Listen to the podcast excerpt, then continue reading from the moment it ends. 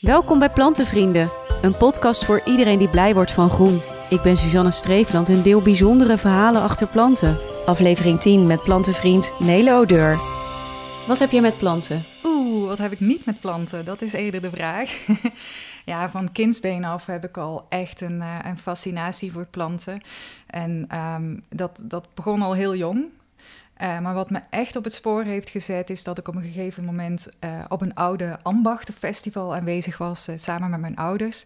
En daar stond een mandenvlechter en die stond met een plant, nota bene, fantastische dingen te maken. Hè? Manden en korven. En nou ja, ik vond het echt helemaal geweldig. Hè? Dat, hij maakte toen volgens mij gebruik van wilgetenen en van rietstengels. Nou, en mijn fascinatie zit dan ook niet zozeer op de plant zelf, maar wat mensen doen met planten. En toen is je fascinatie geboren? Ja, toen is mijn fascinatie geboren. En ja, de studie over wat mensen doen met planten, dat heet etnobotanie. Etno is mens en botanie is plant. En dat is uiteindelijk ook mijn studierichting geworden. Dus daar ben ik, heb ik me helemaal in gestort. Dus die mandenvlechter heeft eigenlijk je hele leven bepaald? Ja, het, was, het is natuurlijk één kruimeltje op weg naar. Maar het was wel een hele belangrijke kruimel. Omdat het me ook liet nadenken dat een plant eigenlijk pas betekenis krijgt als we er iets mee doen. Hè? Ook een medicinale plant waar niks mee gedaan wordt, is plat gezegd gewoon een plant. Hij wordt pas medicinaal omdat wij hem op die manier gebruiken. En dat heb je natuurlijk geleerd bij je studie. Toen uiteindelijk ben je in de Amazone terechtgekomen. Ja, ik ben uh, in de Amazone terechtgekomen. Ik heb daar op een gegeven moment, na mijn studie, ben ik uh, aan het werk gegaan. Eigenlijk meer een soort antropologenfunctie. Dus ik deed onderzoek naar hoe uh, lokale um, inheemse genezers en vroedvrouwen planten gebruiken. Dus herbal remedies, hè, de kruidengeneeskunde uiteindelijk ja, daar kom je heel veel leuke dingen tegen. Dus ook uh, hoe planten lokaal gebruikt worden. En nou ja, dat zijn echt... Ik heb echt avonturen beleefd die je normaal nooit zou beleven. Weet je, in delen van de wereld waar ze zelfs nog nooit iemand met blauwe ogen hadden gezien, bij wijze van spreken. Want waar was je? Um, ik zat in een uh, natuurgebied, dat heet uh, Mamirawa. En dat zit eigenlijk helemaal bijna tegen de grens met Colombia. Uh, dus dat is echt heel diep in de Amazone. Het kostte me bijna drie dagen om er te komen. Eerst twee vliegtuigen, dan twee boten, dan nog een kano, een paar uur peddelen. Dus uh, ja, het was echt in the middle of nowhere, een ommelandse reis. En uh, ja, daar kom je in hele bijzondere communities terecht. En toen ontmoette je een vrouw? Ja, toen ontmoette ik een vrouw, Donna Januaria. En uh, zij was een uh, lokale vroedvrouw. En uh, op, een, ja, op een gegeven moment hadden we een heel leuk gesprek. Zij was bezig met het verwerken van een plant. Die werd daar lokaal urucum genoemd. En hier staat die bekend als anato. Het is een, eigenlijk een rode kleurstof. Want hoe ziet dat eruit, die plant? Ja, het, het is een, een, een plant met grote groene bladeren. Maar er zitten een soort van vruchten aan uh, met rode zaden erin. En om die zaden zit een, een rode zaadmantel. En als je dat zo tussen je vingers wrijft, ja, je kan het een beetje vergelijken met de pitjes van een granaatappel. Als je dat dan tussen je vingers wrijft, dan krijg je vingers krijgen een, een rode gloed eigenlijk. Een soort henna-achtig iets. Ja, henna. Ja, je zou het ermee kunnen vergelijken, misschien. En uh, ja, het is, het is ook een, een stof die voor, in de voedingsindustrie gebruikt wordt als kleurstof. Dat heb ik later dan uh, ontdekt. Maar uh, het, het, is een hele bijzondere plant en uh, zij was daarmee bezig. En het wordt ook lokaal gebruikt als, als afweer tegen muggen en tegen andere ongedierte. Het wordt dan op de, op de huid gevreven. En um, op het moment dat ik de plant leerde kennen, was zij er dus mee bezig. Ze zat, er, ze zat het te verwerken en ze keek me opeens heel schalks aan en ze zei: Wil je eens iets magisch zien? En ik natuurlijk: Ja, ja, tuurlijk. En wat was dat? Nou ja, ze, ze pakte dus haar handen op die helemaal rood waren van uh, de kleurstof uit die plant. En ze stopt haar handen in de bak met water die naast haar staat en het water kleurt geel. Dus echt, mijn, mijn kind die zakte zo tot aan mijn knieën. Ik denk van, wat gebeurt er nu? Het leek echt een soort van magie. Maar uh, ja, achteraf... Eh, dus, ja, dus ik was gefascineerd. Ik denk, wat gebeurt er nu? Dus ik heb, ik heb daar zelf een beetje onderzoek naar gedaan. Van, want ik, wil, ik wilde dat kunnen verklaren, wat er natuurlijk gebeurde.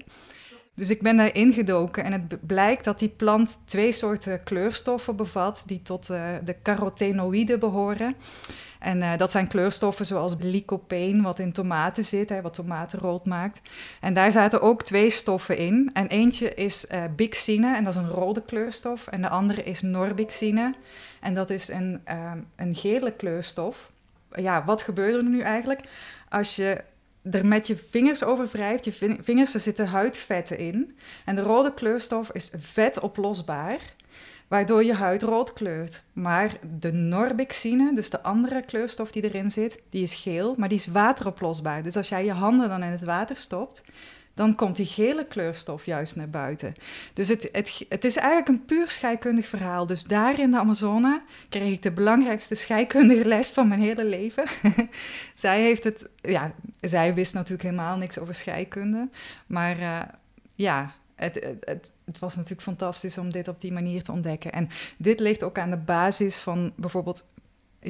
Iedereen heeft wel eens gehoord van vitamines die vetoplosbaar zijn of wateroplosbaar. Dat heeft hier ook mee te maken.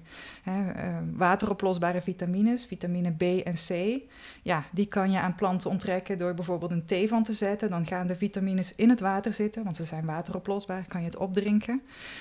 Maar de vitamines A, D, E en K zijn vetoplosbaar. Dus als jij je, planten, uh, je plantje in, in het water laat trekken, gaat er niks mee gebeuren. Dus je gooit eigenlijk de vitamines met de plantendelen die je daarna weggooit, uh, gooi je weer weg. En uh, veel mensen staan niet stil bij de implicatie daarvan. Dus ze denken van, ah, ik zet een thee, dat is altijd goed. Maar dat is dus niet zo. Dus als jij ja, plantenextracties maakt, is dat heel belangrijk. Dat verschil tussen bijvoorbeeld tussen water en vet oplosbaar. Weet die vrouw ook in de Amazone dat zij zo belangrijk voor jou is geweest? Dat vraag ik me af. Uh, ik, uh, ik weet, ja, ik heb ontzettend veel gesprekken met haar gevoerd en we hadden een hele mooie klik. En uh, zij was ook heel nieuwsgierig naar, wat, naar mijn wereld uiteindelijk. En maar ik denk niet dat ze weet hoe belangrijk ze is geweest. Want dit is ook, ja, dit is gewoon de basis waarop ik ook uh, ja, uh, mijn professionele leven daarna gebouwd heb. En uh, ja, dus het, is, het heeft echt een hele grote impact gehad. Ja. Want je doet inderdaad heel veel met kruiden ook, hè? En je ja. hebt ook iets meegenomen voor in de plantenbiep. Ja, en dat komt ook uit Brazilië. Dus ik dacht, laat ik dat, laat ik dat meenemen. En dat is een plant, um, hij heet lokaal jambu. En hier wordt die champagneblad of ABC-kruid genoemd. Het is hier ondertussen natuurlijk ook best wel bekend. Smaakt hij naar champagne? Nee, het is een eetbare plant. Je kan de bladeren en je kan de, de vruchtjes ervan uh, opeten, of de bloemen ervan opeten. Um, maar het, het, is niet zozeer de smaak die heel veel impact geeft, maar het mondgevoel. Want het voelt alsof je een vijf minuten tandartsverdoving in je mond hebt. En misschien, ja, dat heb je ook een beetje als je champagne drinkt, dat je een beetje een bubbelgevoel hè? En gebruiken veel chefkoks dat of zo? Of, uh... Ja, ja, ja, dat, dat wordt uh, tegenwoordig steeds meer gebruikt, uh, juist door chefkoks, omdat het een heel, ja, een heel bijzondere food experience geeft. Hè? Het, het, mondgevoel wordt aangesproken.